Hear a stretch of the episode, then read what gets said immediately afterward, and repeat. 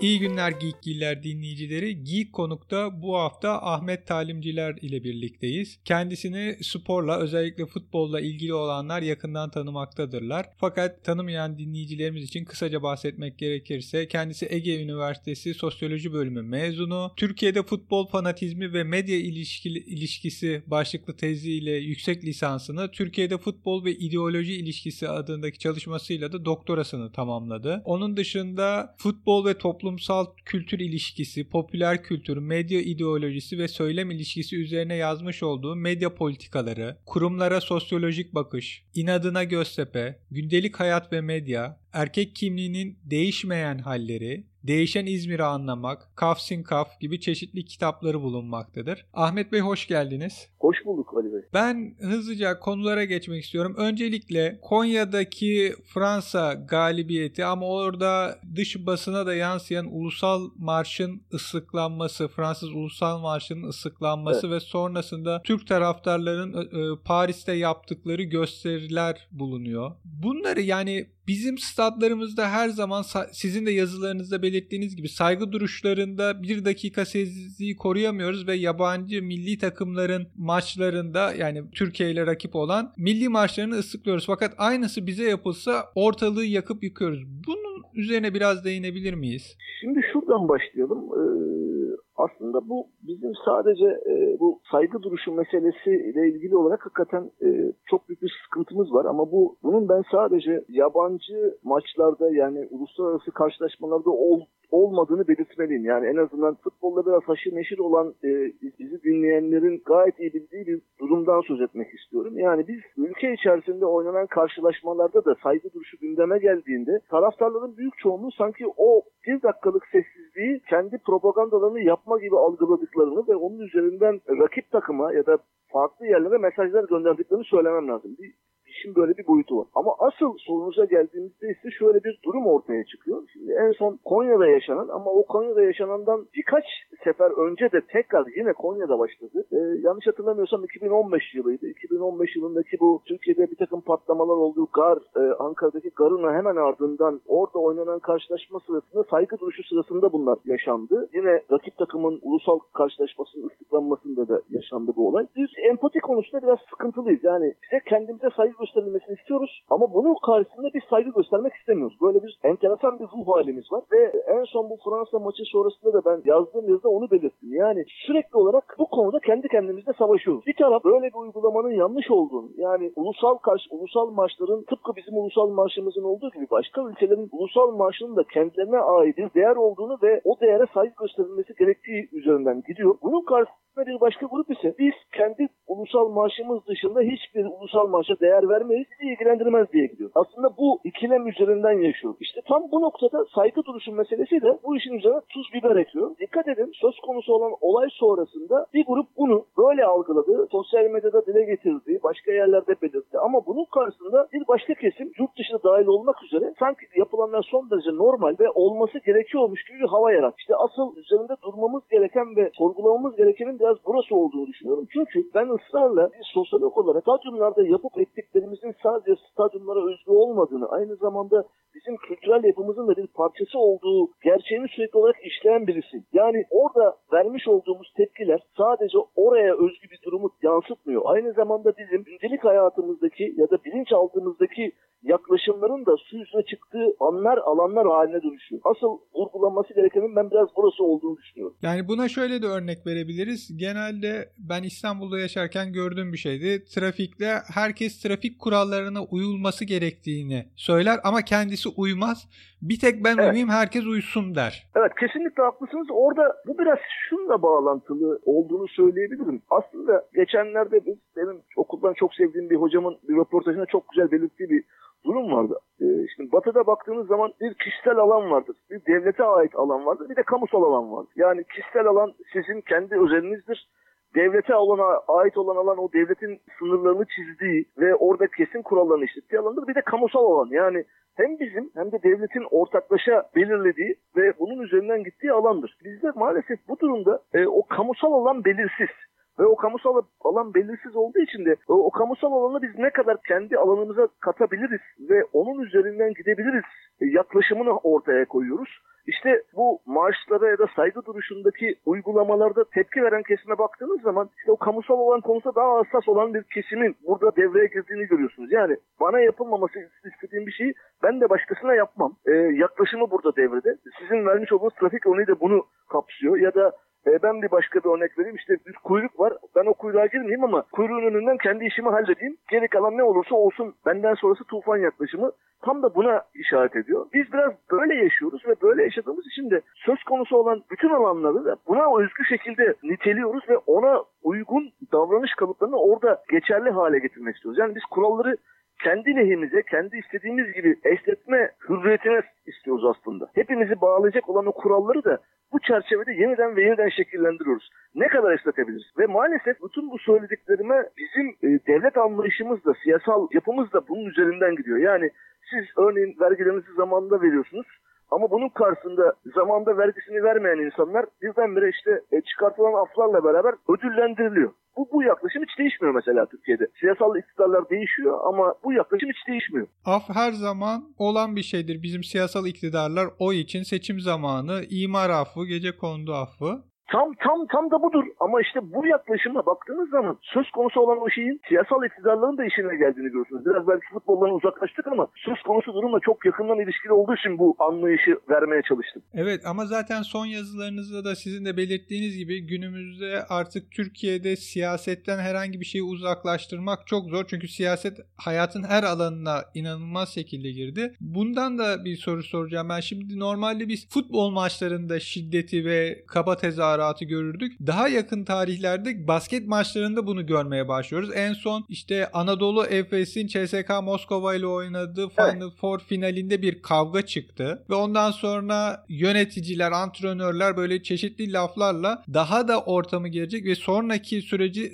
zorlaştıracak açıklamalar yaptı. Şimdi bizim baskete de yansıması bu şiddeti. Bunu nasıl değerlendirmemiz gerekiyor? Yani bu artık sporun başka dallarına da gider mi sizce? Yok aslında gideceğini düşünmüyorum. Çünkü şöyle bir durum var. Basketbolda o vermiş olduğunuz örnek ve basketbol sahasında yaşanan şiddetle ilgili üzerinde biraz düşündüğümüzde aslında çok spesifik bir durumla karşı karşıyayız. Bunun altını özellikle çizmek gerekiyor. Çünkü Anadolu Efes'in koçu e, Ergin Ataman'la Ergin Ataman bir Galatasaraylı. Galatasaray Fenerbahçe karşılaşması sırasında da yıllar önce bir takım şeyler yaşandı. Yine Galatasaray en son karşılaşmasına yapmadı. Çünkü orada işte e, Ergin Ataman'a etek giydirme, e, oraya etek götürme mizansenleri yaşandı. Pek çok olay oldu. CSK Moskova maçında yaşananlar yani Final Four finalinde yaşananlar da aslında çok uzun bir süreçten beri var olan o çekişmenin en uç noktasıydı. Bu açıdan ben size şunu söyleyeyim. Önümüzde e, şu anda finalde 1-1 oldular. Fenerbahçe ve Anadolu Efes mücadelesi.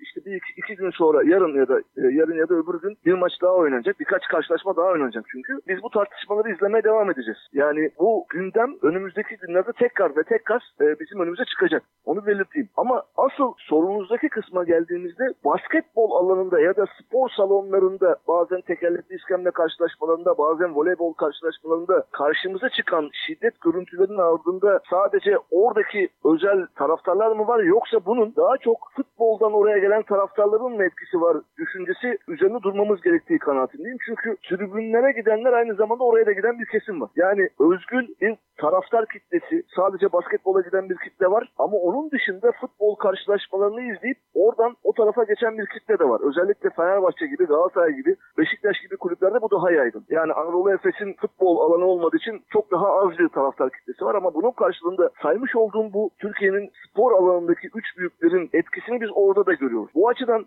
zaten Türkiye'de birkaç yıl önce Cumhurbaşkanlığına sunulan bir şiddet raporu vardı. Ben onunla ilgili bir yazı da yazmıştım T24'te. O rapora göre Türkiye'deki şiddet olaylarının en çok gerçekleştiği yer futbol. Yani %95 hatta %96'lar civarında futbol sahalarında gerçekleşiyor. %4 civarında işte %3 üçler civarında basketbol. Bir ara Fenerbahçe ile Beşiktaş, Beşiktaş'ta Galatasaray tekerlekli iskemle maçında biz olaylar gördük. E, çok az da voleybolda görülüyor. Onun dışındaki alanlarda biz böyle çok büyük olaylara şahit olmuyoruz. Bunu bunu söylemek lazım. Asıl vurgunun gerçekleştiği yer futbol. Evet ama bahsettiğimiz takımların taraftarları da yani nüfusun %75 hatta %80'ini oluşturur durumda bir şey var. Evet. Peki başka bir noktaya daha geçmek istiyorum. Tabii lütfen. Şimdi futbolda şiddetin önlenmesiyle ilgili çeşitli yasalar çıkıyor. Burada esas sorunun taraftar olduğu söyleniyor. Yani taraftar sorun çıkarıyor, taraftarın önüne geçmemiz lazım. Fakat son zamanlarda görüyoruz ki antrenörler, kulüp yöneticileri giderek ortamı kızıştıran, ortamı geren açıklamalar yapıyor. Özellikle bu sene uygulanmaya başlayan video hakem uygulaması var sonrası bu tartışmalar daha da arttı. E son finale yani şampiyonluğa yakın maçlara özellikle Galatasaray maçlarına baktığımızda Galatasaray Rize Spor, Galatasaray Başakşehir veya Galatasaray Fenerbahçe maçlarına baktığımızda Fatih Terim'in içinde olduğu bir sürü tartışma var. Evet. Bir kulüp başkanı çıkıyor ben silahım olsa hakemi vururdum gibi açıklamalar yapıyor ve şey ciddi cezalar almıyorlar. Büyük cezalar hiçbir şekilde yani hakemi odaya kapatmak bile Cumhurbaşkanının telefonuyla ancak hakemler evet. serbest kalırken hiç büyük ciddi yaptırımlar sahaya bir daha gidilmeyecek, bir daha maça çıkamayacak, ömür boyu futboldan men gibi cezalar çıkamıyor çünkü herkes dokunmaktan korkuyor. Peki yani böyle bir şeyin ileride çıkması mümkün mü sizce? Birinci sorun bu. İkincisi de gelecek sezonla ilgili bu kadar gerilimli bir şekilde biten futbol sezonundan sonra yeni sezonda Ağustos'ta başlayacak yeni sezonda daha erken mi bu şiddet olaylarını görmeye alıştırmalıyız kendimizi? Şimdi şuradan başlayayım. Çok iyi bir şey izlediniz. Yani soruyu hazırlarken sorunun arka planında yaşananlarla ilgili gayet güzel bir kronoloji sundunuz. Şimdi şöyle bir durum var. Türkiye'de futbol sahalarında şiddetle ilgili olarak şöyle geriye doğru bir 10-15 yıllık periyotta baktığımız zaman aslında çıkartılan 3 tane yasal düzenleme var. En son 2011 yılında çıkan 62-22 olarak nitelenen yasaya baktığınız zaman en genel anlamda ifadesi şiddet ve düzensizliğin önlenmesi olarak geçiyor ama e, kamuoyunun moda deyimiyle kullandığı şey şiddet esas. Şimdi e, biz yasal düzenleme çıkartmakla ilgili çok sıkıntısı olan bir ülke değiliz. Yasal düzenleme çok kolaylıkla çıkartıyoruz. Yani iş gündeme getirildiğinde hemen anında işte parlamentodaki partiler bir araya geliyorlar. Yasal düzenlemeler yapıyor. İşte bir takım uzmanlar dinleniyor. Onlar meclise çağrılıyor. Görüşler alınıyor ve ardından yasal düzenleme çıkartıyoruz ama uygulayamıyoruz. Bu yasal düzenleme çıkartırken şöyle bir problem hiç ortadan kalkmadı. Hep var e, ve her her dönemde olmaya devam edecek. Çünkü futbol sahalarında yaşanan şiddetin tek sorumlusu taraftarmış gibi bir algı var. Ve bu algı çıkartmış olduğumuz yasalar çerçevesinde de devam ediyor.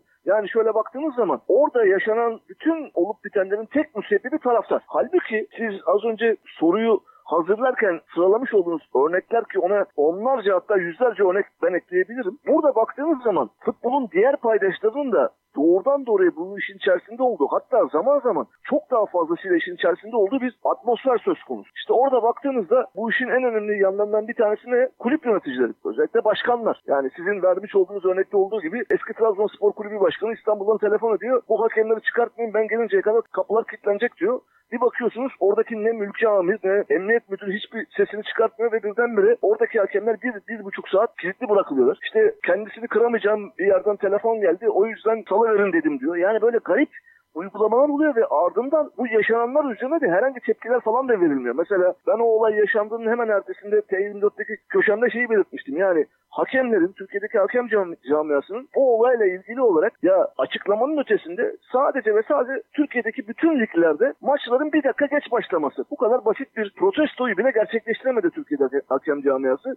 O dönemki Merkez Hakem Komitesi Başkanı dedi ki ortam gergin protesto gereksiz. Ben de şöyle yazdım bir, bir sonraki yazıda. Türkiye'de hakemler ellerindeki çok önemli bir fırsatı maalesef heba ettiler. Şimdi bakın işin yönetici kısmı burada. Medya kısmı, medya kısmında olup bitenler öylesine fazla ki orası hiç hiç ama hiç gündeme getirilmiyor. Az önce sizin söylediğiniz işte Fatih Terim örneğinde olduğu gibi çok gerilimli olaylar, örnekler var. Defalarca bunlar yaşandı. E, futbolcu örnekleri var. Ve bunların her biri gündemdeyken sanki bunların hiçbiri yok. Sadece ve sadece taraftarlar varmış gibi davranmak fazlasıyla saf oluyor ve gerçekten çok da adaletsiz bir durum ortaya koyuyor. Öte yandan çıkartmış olduğumuz yasalardaki uygulamalarda da şöyle bir sakatlık var. Şimdi mesela biz 2016'dan itibaren bu pasolik uygulamasıyla beraber şuna geçtik. Yani artık biz taraftarı göz e, bebeğinden tanıyabilecek anlayışa sahibiz ama biz hala şu cezayı vermeye devam ediyoruz. Tribünde bir olay oluyor. Tribünde mesela küfürlü tezahürat oldu ya da herhangi bir orada bir olay yaşandı. Biz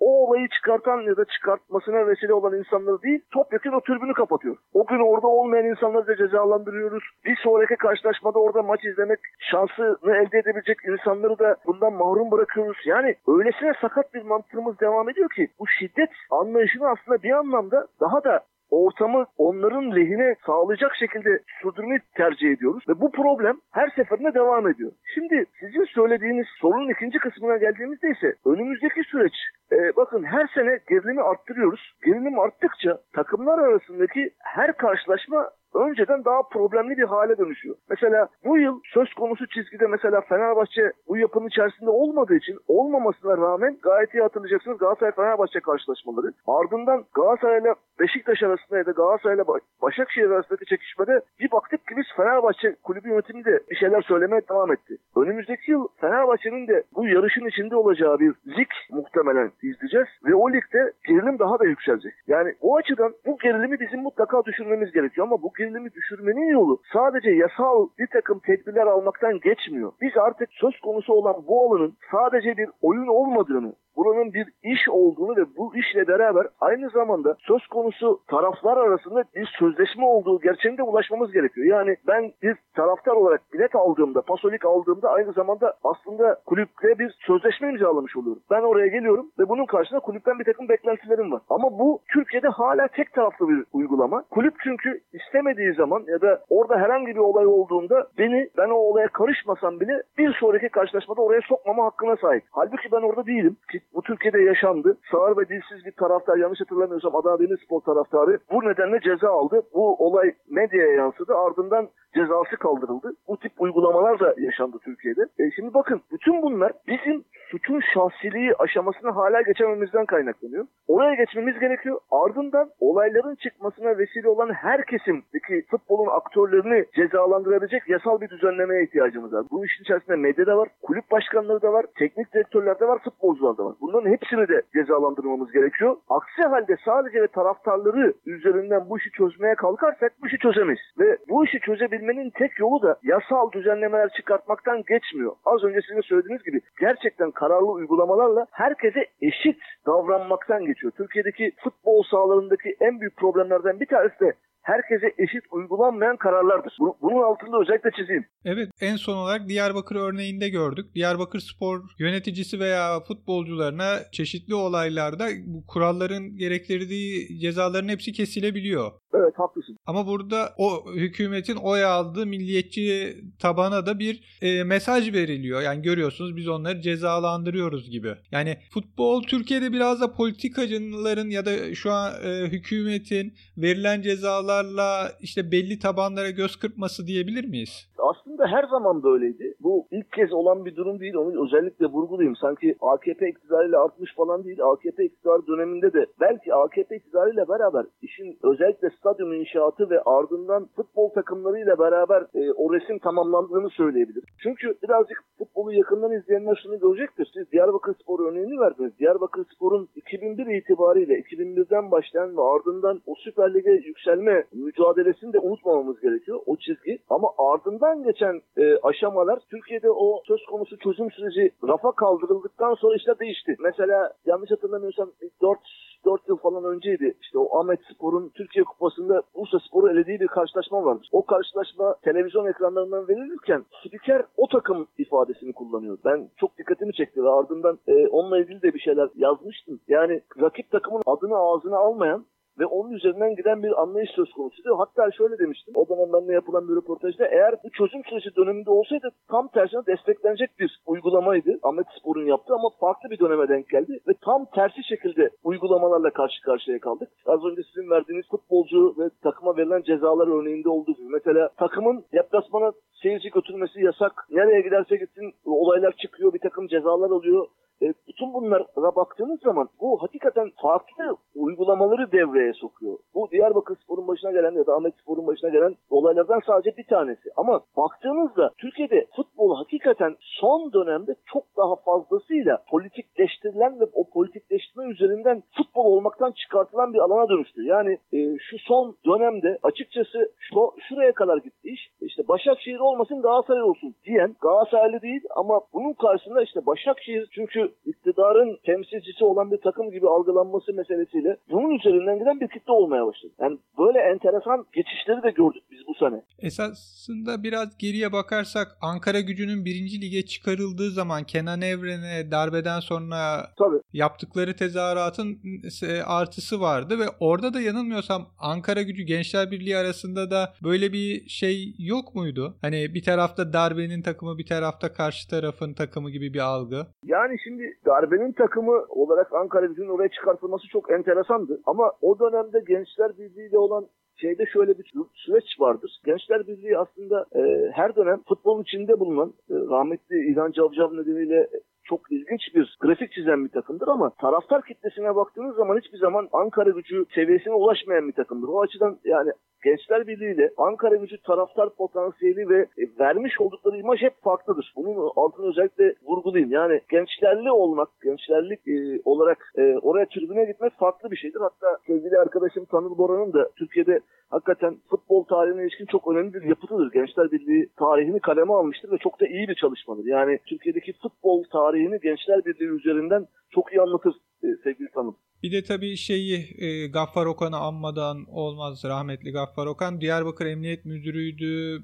Diyarbakır 1. Lige çıkmadan buradan gitmek istemiyorum diyordu. Sonra suikaste kurban evet. gitti. Ondan sonra Diyarbakır'ı 1. Lig'de gördük. Bizde açılım sürecinin biraz daha öncesine dayanıyor. Hatta ben Saadettin evet, tam, Tantan'a bir soru sormuştum. Ölmeden önce siz son konuşan kişisiniz. Size ne dedi? Bana söylediği son söz Diyarbakır Spor 1. Lige çıkmadan ben buradan tayin istemiyorum. Sen İçişleri Bakanı'ydı kendisi de. Hani beni buradan almayın dedi ve o gün şehit oldu demişti bana. Şimdi Gaffar Okan'ın ölümü sonrasındaki süreci hatırlıyorum ve orada da çok enteresan bir durum vardır. Şimdi baktığınızda 2001 yılı birinci ve ikinci takım karşı karşıya geliyor. Diyarbakır Spor'la Altay. Maç TRT'den naklen yayınlanacağı duyuruluyor. Bunun karşısında birdenbire TRT maçı vermiyor. Da o dönem TRT'den sonra devlet bakanına soruyorlar işte maç neden yayınlanmıyor ben de bilmiyorum diyor. O gün Diyarbakır stadında hakikaten Altaylı futbolculara yapılan son derece insanlık dışı uygulamalar vardı. Ee, yani o gün orada bulunup ben bunu bizzat İzmir'den giden rahmetli gazeteci abim Süleyman Alasya'dan da dinlemiştim. Ee, onun programında da birkaç defa bunu konuşmuştuk. Yani saha içinde olup bitenlerle ilgili çok enteresan şeyler anlatmıştı. Ve o olaylar hiçbiri konuşulmadı bile. Öyle geçiştirildi. Hatta o karşılaşmadan bir hafta sonra hala arşivlerde vardır. İnsanlar rahat rahat bakabilir. Diyarbakır Spor yanlış hatırlamıyorsam İstanbul'da bir kulübe deplasmana geldi. Ve o karşılaşmada öyle bir maç oynandı ki ne Diyarbakır Spor rakip kaleye gidiyor ne de rakip Diyarbakır Spor'un kalesine geliyor.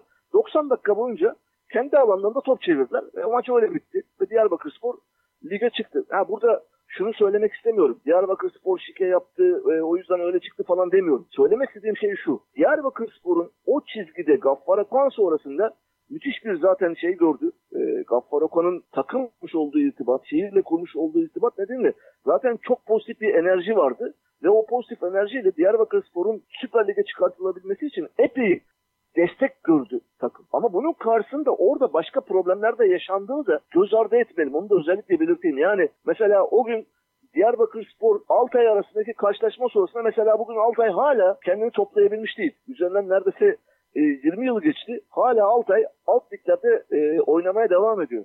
Şimdi böyle baktığınız zaman da yani bir taraf böyle desteklendi ama öbür taraf adeta kıyma uğradı. Şimdi bu tarafı da var. O yüzden Türkiye'de futbol tam söylemiş olduğunuz gibi e, siyasal aktörlerin kendilerini özellikle kitlelerle buluşup kendilerini gösterebilmelerini ve onları kendi taraflarına çekebilmelerinin çok kolaylıkla gerçekleştiği alanlardan bir tanesi. O yüzden de zaten hala seçim zamanlarına şöyle bakarsanız çok geçmedi. 2 aylık 3 ay oldu. 3 ay bile geçmedi.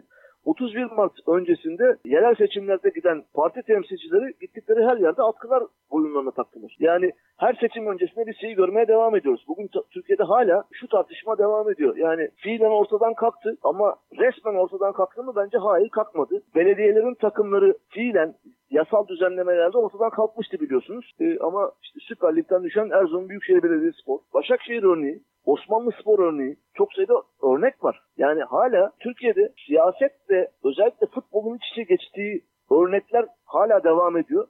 Bunun dışında tabii işte yapılan stadyum örnekleri var. Başka ilişkiler var ve bu yapı aslında hakikaten siyasetle futbolun adım adım iç içe geçtiği ki Türkiye'de şöyle bir anlayış üzerine özellikle durulur bilirsiniz yani spora siyaset karıştırmayalım. Ama aslında sporunla siyasetin dünyanın en eski iki kurumundan olduğu ve bunların birbirleriyle her daim iç içe geçtiği gerçeğini hep atlarız ve asıl ideolojik meşrulaştırma da tam bu noktada gerçekleşir zaten. Çok teşekkür ederiz Ahmet Bey. Ben teşekkür ederim. Umarım e, keyifli bir sohbet olmuştur. Ben çok keyif aldım. İleride sizi tekrar konuk almak isteriz lig başladıktan sonra. Valla olur. Ben sevinirim yani. Seve seve konuşmak isterim spora dair, toplumsal hayata dair. Çünkü ben şunun e, çok önemli olduğunu düşünüyorum. Yani e, o vurguyu da yapayım öyle bitireyim. Ben özellikle spor alanının, özellikle Türkiye'de futbolun toplumsal hayatın bir minik minyatürü olduğunu ısrar eden insanlardan bir tanesi. Yani biz Türkiye'de futbola baktığımız zaman aslında sadece futbolu görmüyoruz. Aynı zamanda Türkiye'nin e, minik bir minyatürünü de orada görüyoruz. Yani farklı insan prototiplerini, farklı yaklaşımları da orada görüyoruz. Mesela sorunuzun en başına döndüğümüzde bu ıslıklayanlar da, yuhlayanlar da ya da başka türlü olanlar da bu yapının parçaları ya da işte Emre Belezoğlu'na tuvalet fırçası uzatıp mizah yaptığını düşünen Belçikalı e, gazeteciyi yakalayıp ona e, Türk forması giydirip özür diletenler de bu yapının parçaları. Kendisi gazeteci değilmiş bu arada.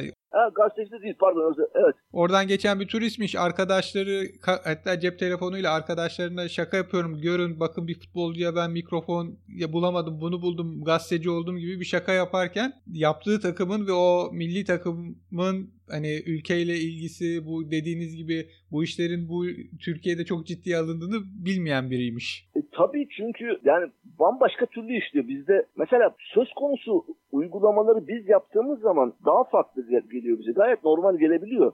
Mesela bizim siyasilerimizle ilgili olarak yurt dışında bir takım şeyler çizildiğinde biliyorsunuz çok büyük tepkiler veriyoruz. Haklıyız bu tepkileri vermekte. Ama aynı şeyi biz yapmamız gerekiyor değil mi? Ha, bu konuda öyle düşünmüyoruz. Mesela gayet normal geliyor. Ee, ya da yıllar öncesinden bir örnek vereyim size. Bu meşhur İsviçre maçı oynandığı gün dönemin fotomaç gazetesinin futbol erkek oyundur buyurun er meydanına diye bir başlığı vardır. Ve o başlığın altında dört tane İsviçreli futbolcunun travesti kılığında fotoğrafları vardır. Yani resmen bir nesne suçudur bu. Yani siz insanları böyle yapıyorsunuz. Mesela aynı hareketi dört, Türkiye'den dört tane futbolcuya bu şekilde yapsalar ortalığı ayağa kaldırır mi? Ya nasıl olur? Nasıl siz bizim futbolcularımızı travesti kılığına sokarsınız? Gazetenin web sitesi eklenir, ülkeye nota verilir, o gazete basılır, taşlanır. An, anla, anlatabiliyor muyum? Ta, tam da burası işte. Yani bize bize yapıldığı zaman olmaz ama biz yapabiliriz. İşte burada bütün her şey burada düğümleniyor. Yani o empati duygusu da, problemler de her şey burada düğümleniyor. O yüzden diyorum yani o minyatürü çok güzel sunan alanlardan bir tanesidir futbol e, Türkiye'de. O yüzden buraya bakmanın ben çok kıymetli olduğunu düşünen, düşünenlerden bir tanesi. Aynı şekilde düşünüyoruz. Çok sağ olun. Çok teşekkürler. Rica ederim. Rica ederim. Kolay gelsin. Görüşmek üzere. Sağ olun. Sevgili Geekgiller dinleyicileri, Geek Konuk'ta bu hafta Ahmet Talimcilerle birlikteydik. Kendisiyle çok güzel bir sohbet yaptık. Haftaya tekrardan görüşmek dileğiyle. Hoşçakalın.